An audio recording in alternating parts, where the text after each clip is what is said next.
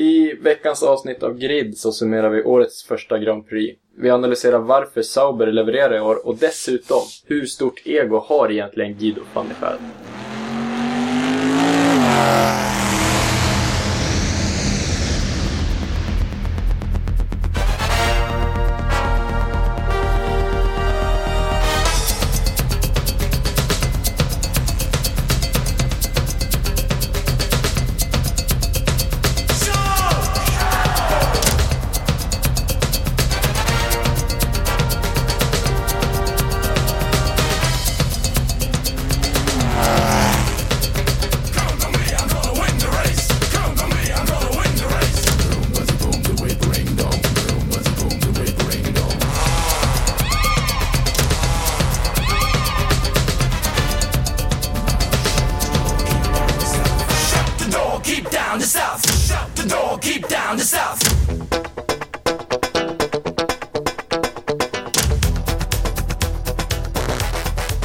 Alright, välkomna till eh, Grid, en eh, podcast om motorsport med fokus på F1. Vi är tillbaka, en ny vecka. Ja, Säsongen är igång. Jag har faktiskt tagit mig ända vägen från västkusten till mitten av landet, till Hallsta, där eh, Filip bor. Och ja. jag sitter faktiskt i hans rum. Yes. Spännande. Väldigt mysigt. Kul att se dig, Detsamma. på riktigt. Ja. Eh, hur, är, hur är livet? Jo, det rullar på va? Mycket att göra och F1-premiär, så det är dags att podda igen tycker jag. Ja, absolut. Eh, mycket kul race, måste jag säga. Ja, överraskad. Positivt. Absolut. Vi spelar in det här på en eh, tisdag då. Racet kördes eh, i söndags, så för två dagar sedan. Så det här är den 17. Eh, så spelar vi in det här en bit efter, men det är okej. Det tycker jag. Det tycker jag också. Ska vi gå vidare och kanske rakt på sak och gå in på Australiens Grand Prix? Det är väl bara att dra igång. Då gör vi.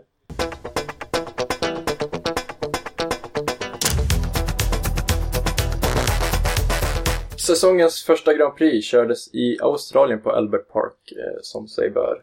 Det vart ett eh, väldigt spektakulärt race där eh, många intressanta situationer inträffade. Bland annat så försvann det tre bilar redan innan start ens hade dragit igång. Det var Bottas försvann eh, tidigt med en trasig rygg. Han fick åka in till sjukhus och spendera tid där och fick inte start klart. McLaren bröt också innan de ens kom till griden med en trasig motor. Red Bull försvann också, eh, Daniel Kviat, med tekniska problem. Ska också säga att eh, han som körde McLaren då, det var Kevin Magnussen, ingen annan. När racet sen startade så var det en spektakulär start minst sagt. Där eh, det var trångt i första kurvan och Maldonado fick en eh, liten lätt knuff utav eh, Erikssons eh, teamkamrat i Sauber. Eh, och Maldonado snurrade. Säkerhetsbil kom ut, den nya virtuella, men det ska vi gå in på mer sen. Och Eriksson, han var klipsk där och bytte däckstrategi direkt. Överlag så vart eh, racet ganska bra måste jag säga. Det hände en hel del. Framförallt eh, på de eh, tekniska aspekterna så vart det ett, eh, ja, ett, roligt, ett roligt race överlag. Och eh, det hela slutade med att mot slutet så gjorde Eriksson en fantastisk omkörning på Carlos Sainz Jr. Eh, och körde in på en åttonde plats vilket var ett mycket bra resultat. Eh, så i målgång så vart det helt enkelt att Hamilton kom etta. Vi hade Rosberg på andra plats och Vettel på tredje plats. Eriksson som sagt in på en åttonde plats och det måste vi säga är fantastiskt första resultat. Det är helt underbart. Ja. Kan inte bli bättre. Nej, verkligen inte. Han hade ju som målsättning innan säsongen att eh, ta i alla fall någon poäng och eh, ja, då har han ju lyckats med det direkt. Då. Han har ju tagit några till och med. Precis. Eh, vad är dina allmänna reaktioner på racet överlag? Det är ju skönt att vara igång. Det är det det handlar om. Eh, Albert Park är ju en bana som, det visar ju egentligen inte hur, hur resten av säsongen kommer utspela sig. Den, den är inte lik någon annan bana. Så det blir intressant att se hur resten av säsongen blir, men det är skönt att vara igång och få lite spektakulärt första race så man känner att man blir varm i kläderna. Ja, men verkligen. Albert Park är en eh, väldigt klassisk bana i de här sammanhangen. Eh, och som är helt olik egentligen från den övriga kalendern. Ja. Det är väl bara några stadsbanor som kan liknas vid den, till exempel Singapore och Mm. sådär. Och det som är spektakulärt med den är att den är ju väldigt platt, men samtidigt så är den fruktansvärt hal. Och det är väldigt svårt att få den där perfekta inställningen på, på banan, vilket speglar sig då på resten av säsongen. Ja, absolut. Och eh, för att gå in på Sauber då, som är utav svenska intresse, det är därför vi tar upp det först, så måste vi säga att eh, resultaten de levererar eh, med Filipe Naser och eh, Marcus Eriksson är ju riktigt, riktigt, riktigt bra. Vi har då, Filipe Naser kom ju femma och Eriksson på en åttonde plats. Och det var ju mm, väl över förväntan. Man är ju minst sagt imponerad. Filipe Naser visar ju gång på gång att hur snabb han verkligen är. Han direkt efter safety caren liksom gick in, då drog han på en omkörning direkt liksom. Det visar ju bara hur, hur snabb och smidig han är i den där Sauben. Så Ja. det är helt underbart. Och sen Eriksson, han kör in på en åttonde plats. Men ska man vara ärlig så, hade alla bilar tagit sig i mål så hade det kanske inte blivit poäng. Men som sagt, det är de som tar sig i mål som får poäng så det gäller att vara där. Ja, det blev ju väldigt intressant på så sätt att det endast var 13 bilar då, eh, som kom till start. Och eh, ja, det vart ju lite kaos på så sätt. Och det är ganska få stall nu som kommer till start. Men jag tror nog i framtiden när Manor kan få igång sina bilar, eh, om de tekniska problemen reder ut sig för McLaren, för, för deras förare, för Alonso, att Bottas kommer tillbaka, så kommer det ju ändå vara bilar där. Eh, så på så sätt så är det nog ingen fara. Men eh, Ja, jag vet inte fasen. Alltså jag tycker Sauber visar bra fart. Jag sa det redan innan, alltså efter försäsongen att de har, de har den där speeden och med en råsnabb förare som Nasser så de visar att de är snabba över ett varv och med en teknisk förare som Eriksson så tillförlitlighet, de kan bygga på något. Ja, absolut. Det är, de har en stabil grund känns som. Det känns... Fjolåret var ju ett bottenår för dem och det känns som de har tagit många kliv i år. Så det kan bli intressant att se var de verkligen landar den här säsongen. Absolut. Och jag tycker det är lite intressant för det känns som att deras situation kan liknas lite vid Sauber, alltså, eller vid Mercedes. Jag tänker på föruppsättningen att, eh, som sagt, och Naser han är den här råsnabba, riktiga supertalangen som har kommit eh, dit eh, mycket på grund av liksom just den talangen och eh, kan liknas vid till exempel Hamilton medan Eriksson då har den här breda kunskapen, har kört länge, många olika serier eh, och kan liknas vid Rosberg. Ja, absolut. Och att eh, jag tycker de kompletterar varandra bra. Jag märkte det också efter tidiga intervjuer där från Eriksson i början av helgen att han var ja, men han var rätt stolt över att Nasser levererade och liksom skulle hänga lite och snacka ihop sig och sådär. Så det verkar som att de kommer överens redan nu. Ja, det känns ju som de har släppt tiderna där de hade duster i GP2. Så det känns som de har kommit förbi det där och förhoppningsvis drar de åt samma håll och liksom tar Sauber till oanade höjder. Nej, jag tyckte det var riktigt bra gjort från, från Ja. Sauber. Man är ju grymt imponerad över framförallt Nasser skulle jag säga. Mm. Jo, verkligen jag med. Och sen har vi ju då Mercedes dominans. Ja. Vi visste ju att de är där. Ja, den håller i sig. Ja. Hamilton var då snabbast på egentligen alla träningar. Han var snabbast på kvalet och han var snabbast under racet. Och eh, ja, han körde verkligen järnet ur resten. Han plockade ju fram det när det behövdes som mest. Mm. Han var väl inte snabbast på alla träningar tror jag. Nej, men, Men, eh, i han- princip, han låg där i toppen. Ja, han är ju med. Han är ju ett av två, det är där de är. Men Rosberg hade ju övertagit inför kvalet kan man ju säga. Mm. Men där, sen kom ju Hamilton, som vanligt nästan, och Mm. plockade fram det sista som behövs liksom. Han får ju verkligen ut max. Det är så intressant med Hamilton i år också för om man har sett på intervjuer och så vidare med honom så är han så otroligt lugn, avslappnad och han känns glad och liksom inspirerad för första gången på länge. Tidigare så har man kunnat se Hamilton gå runt i depån och vara lite sur och lite så här, lite, ja, men lite bitsk. Ja, men det såg du redan förra säsongen så var han ju relativt sur mot sin ingenjör med under racen. Men efter, efter segern nu på Albert Park så stod han ju och pratade med Arnold Schwarzenegger uppe på pallen och skämtade och hade det lite gott. Så. Ja, Det var ju... Det känns som att han har hittat tillbaks till lugnet inom sig. Om säger så. ja precis.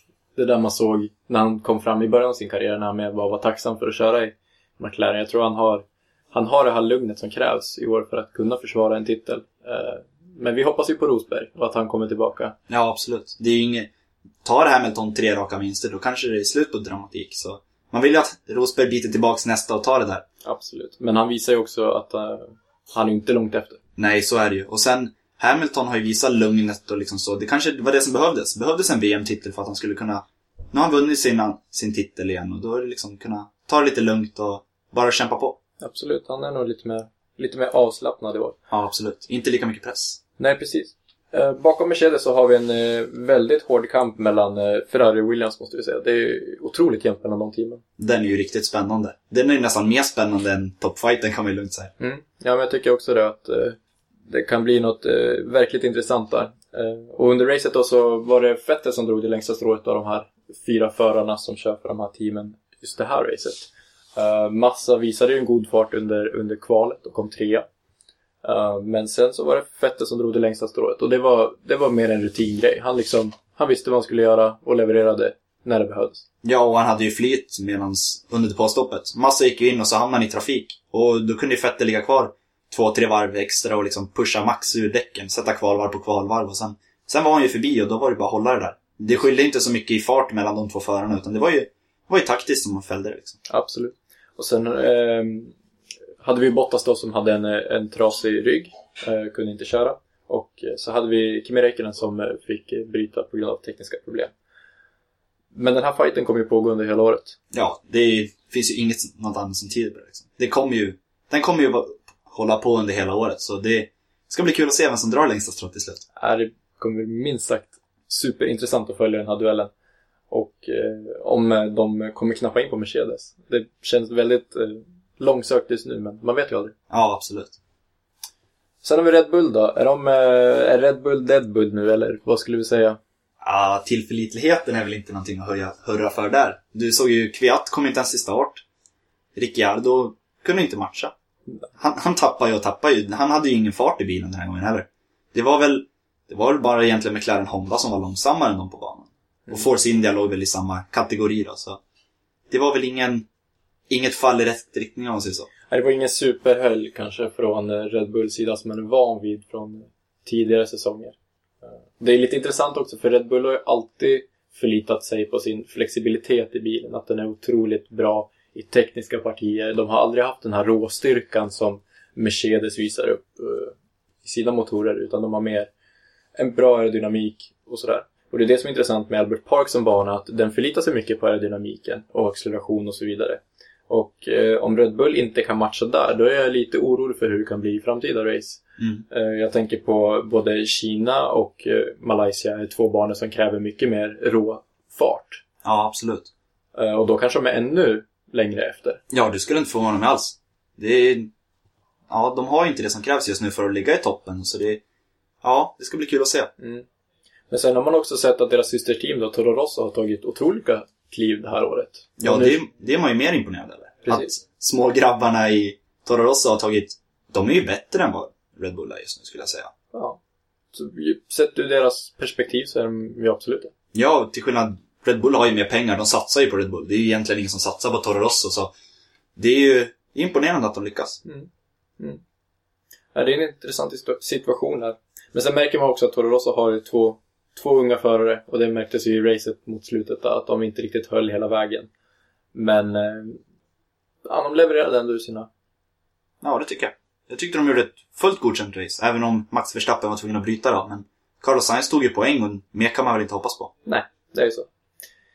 Vidare har vi ju McLaren då. Och de har ju minst sagt en eh, problematisk situation att handskas med. Där har vi ju då Alonso som var på sjukhus fortfarande efter den här krocken. Han kom ut från sjukhuset men han är inte riktigt helt kry. Eh, vi hade Magnusen som skulle köra men som då bröt innan någonting ens hade kommit igång.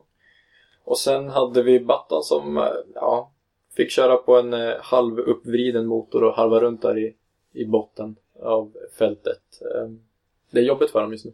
Ja, det kan man minst sagt säga. Du hörde ju över radion under, under racet att teamet var ju nöjda att han lyckades hålla Sergio Perez bakom sig och det är väl inte där de vill ligga kanske. Nej, nej, de siktade ju på en eh, tionde plats när det var 11 bilar kvar och det säger väl rätt mycket om hur det egentligen är. Ja, det står inte bra till för dem. Säger det är just nu 11 bilar kvar, tar du i mål så kan det bli poäng. Så ja, det kanske inte är där de vill ligga. Nej, nej, det är en kämpig situation och det måste vara tufft för ett så anrikt stall att eh, behöva dras med de här problemen. Ja, absolut. De ska ju vara uppe i toppen. De är ju ett sånt stall. De ska ju inte ham- ligga på under halvan för då, det är ju ett misslyckande. Absolut, absolut. De siktar ju mot titeln varje år och de hade väl inga annorlunda aspirationer inför den här säsongen. Nu får de väl kanske börja se över sina målsättningar och kanske redan nu ladda för nästa år. Det vet Ja. man inte riktigt. kan ju vara så att situationen ändras. Eh, Men eh, det är tufft. Det är tufft för dem just nu. Ja, det är väldigt jobbigt. De, det var ju inte lätt för Magnusen den här helgen heller. Han körde ju av på träningen efter bara några minuter och där gick ju hjulupphängningen och det vart ju inte alls bra. Han fick ju inte köra med den träningen och sen bryta innan racet har kommit igång. Så det var ju ingen lyckad helg för vår danske vän. Nej, svår situation för Magnusson också att komma in i ett team relativt färsk i Formel 1 och eh, inte har tränat speciellt mycket på försäsongen. Då det faktiskt är Alonso och Button som har kört absolut mest utav McLaren-förarna. Ja. Så egentligen är det svårt att döma Magnussen för det, men eh, McLaren som team har ju, de har ju något att handskas med. Ja, absolut. De har det, de har det minst sagt tufft just nu. En annan kul iakttagelse som- jag hade under helgen var att eh, racingen kändes så himla ren. Jag tyckte att eh, bilarna gick bra. Bra tillförlitlighet. Det var ett bra ljud under helgen. Det känns som att bilarna gick, gick liksom... De gick rätt mjukt runt om banan. Det var... Jag tyckte de såg liksom välinställda ut överlag och sådär. Man, det var inte riktigt de här Caterham och, och Marusha-bilderna när man ser förarna sitta och flaxa med armarna liksom och det grövsta, utan här var det det såg liksom mjukt ut tycker jag från, från egentligen alla team. Var det någonting som du också tänkte på? Ja, men jag tyckte det såg bra ut. Det var inga team som hade större problem förutom Honda och utan alla knatade på i sin egen takt och liksom det, det rullade på. Det var inga stora problem om man säger så med tillförlitligheten då. Förutom att eh, det var ju mest påstoppsmissar liksom. Att Kim inte fick på bakdäcket efter smällen i första böj där och... Ja, men det var inte så mycket tillförlitlighet utan det gick ganska mjukt racet och det var ganska fin racing emellanåt. Ja men verkligen. Jag tyckte racingen det var, det var bra. Det var inte så inga incidenter under racet heller som man kan eh, säga att det var någon förare som gjorde något fel och sånt där.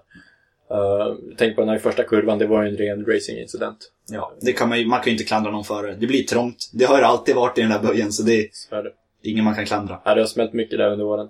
Ja, absolut. Så det tyckte jag var kul. Men som du säger också det här med depåstoppen, det var också något som jag tänkte på för det var otroligt mycket problem med depå. Ja. Och det var jättemärkliga problem också från... Det var bara vänster bakdäck som Ja. var problemet.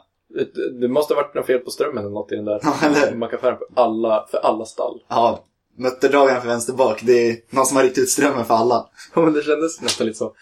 Och sen var det, det var, men de, för om man såg på snitttiden under förra året på ett depåstopp så de riktigt snabba, de kunde väl komma ner på en 2,7 ungefär. Mm. Men här såg man snitttiden igår, den, eller häromdagen under racet, det låg på säkert en 3,5.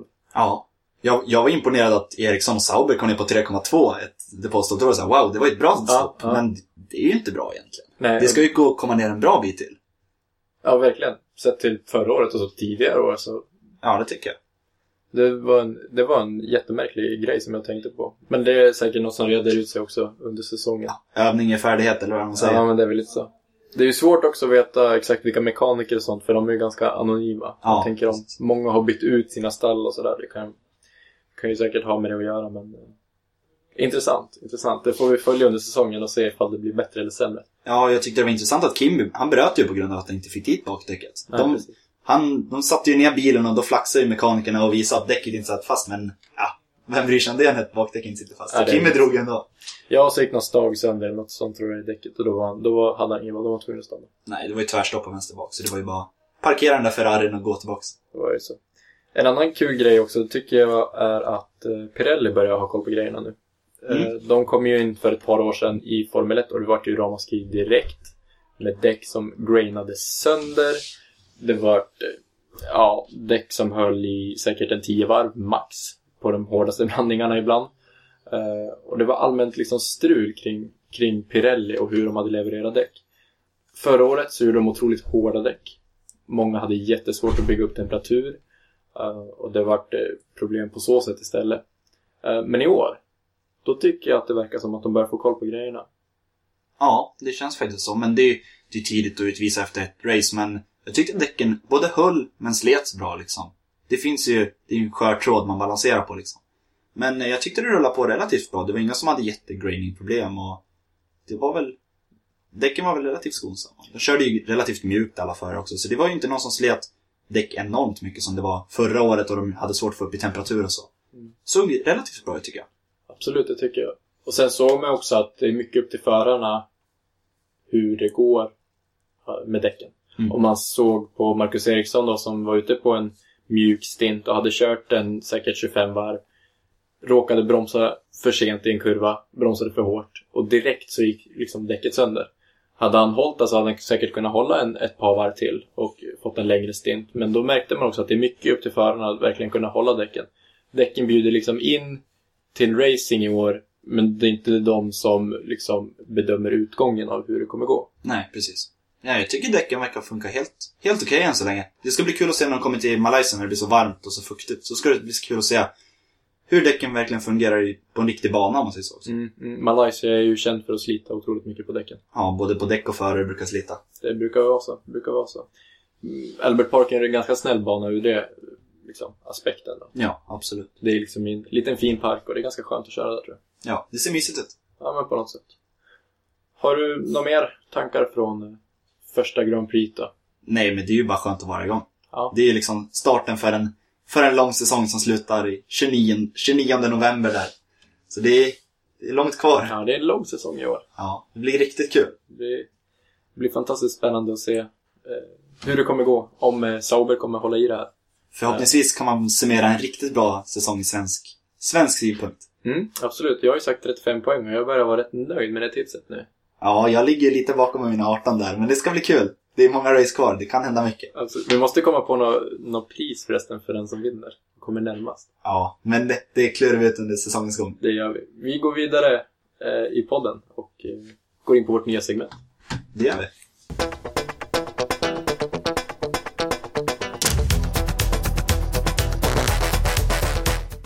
Okej, då har vi kommit in på vårt eh, nya segment för podden. Vi kallar det för upploppet. Och i det här segmentet så har vi tänkt att varje vecka ta en nyhet från motorvärlden och analysera den lite, lite extra.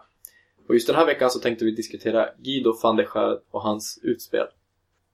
Det hela situationen började då med Guido van der Schaar, som är en gammal Formel 1-förare.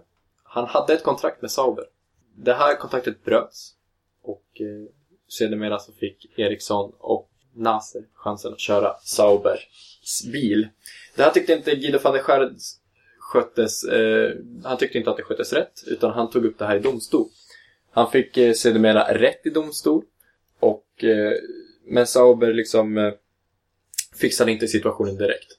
Van der Schaar tog saken i egna händer, åkte ner till Australien, tog på sig Marcus Erikssons utrustning och gick in till mekanikerna på racingbanan under racehelgen.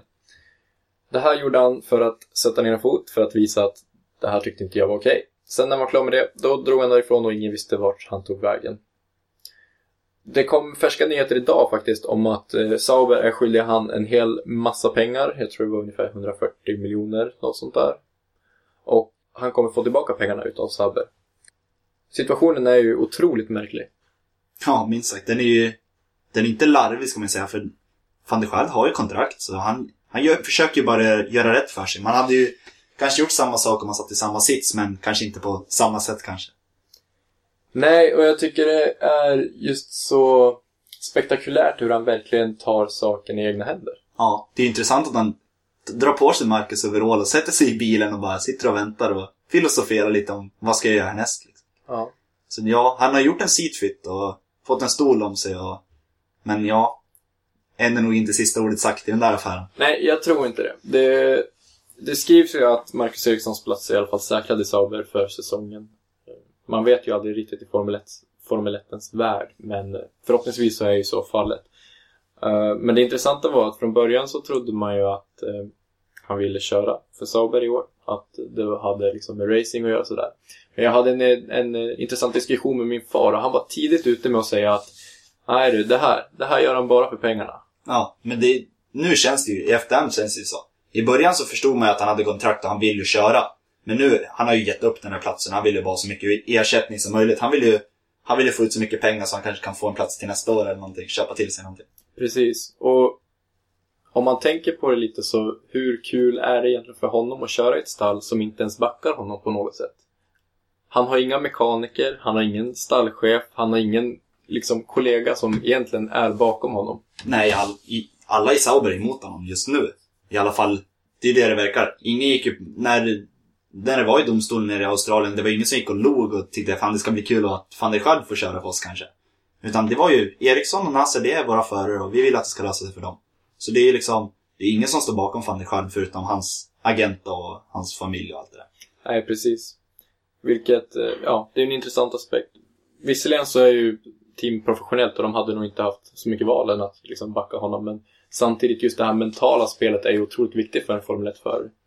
Och eh, det tyckte jag man såg tydligt också på, på Marcus Eriksson efter den här händelsen. Att eh, han fick ju väldigt lite testtid. Eh, och sen under kvalet, visserligen så gick ju bilen sönder.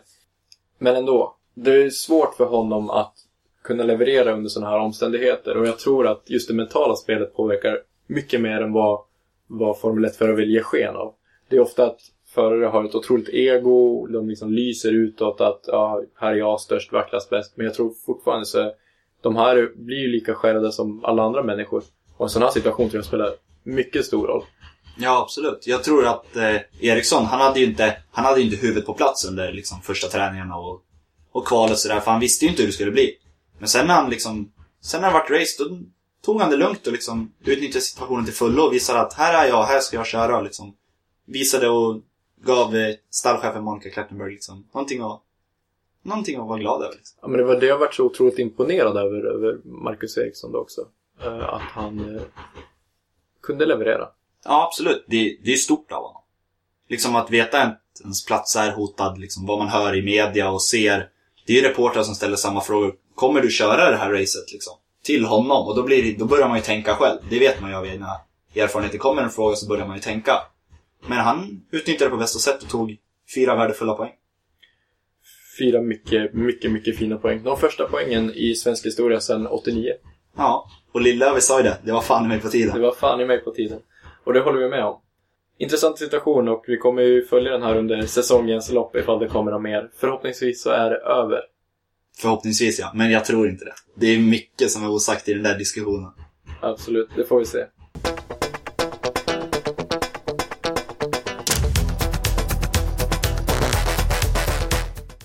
Det börjar bli dags att runda av podden, men eh, innan dess så har vi lite nyheter att eh, reflektera över eh, vidare. I motorsportvärlden så händer ju andra saker förutom Formel 1 faktiskt. Nascar har dragit igång med full fart och eh, det här är en serie som i alla fall jag brukar följa från och till under säsongen. Man brukar se de första 10 racen och sen är det liksom 50 race kvar och då orkar man inte riktigt. Ehm, men jag har tänkt att följa det lite mer noga i år i och med podden och så vidare och jag tycker att oval racing kan vara ganska roligt faktiskt. Eh, har du några erfarenheter utav Nascar? Jag har aldrig kollat på Nascar faktiskt. Jag brukar, aldrig sett den. jag brukar kolla någon start lite då och då, kolla lite, lite stämning och jämföra med lite andra motorsporter. Men nej, Nascar är, är jag inte något fan av. Okej. Ja, jag gillar ju amerikanska sporter överlag och jag tycker det kan vara, ja, men det kan vara lite kul, lite så här hillbilligt och, och sådär. Familjärt. Ja, men det är ganska familjärt på något sätt och det är lite mer det är lite mer olja, det är lite mer smuts, det är inte så jäkla noga utan här kör man och köttar lite mer än vad man gör i Formel 1. Man åker med förgasare framförallt. Mm, det blir ju lite skillnad. Det är ju skillnad. Det är ju det är old school så det bara skriker om det. Precis. De har i alla fall hunnit köra fyra race hittills då de började i, Daytona i Florida och sen tog de sig vidare till Atlanta. Därifrån till Las Vegas och sen så körde de i Phoenix. Och det har faktiskt varit fyra riktigt bra race hittills.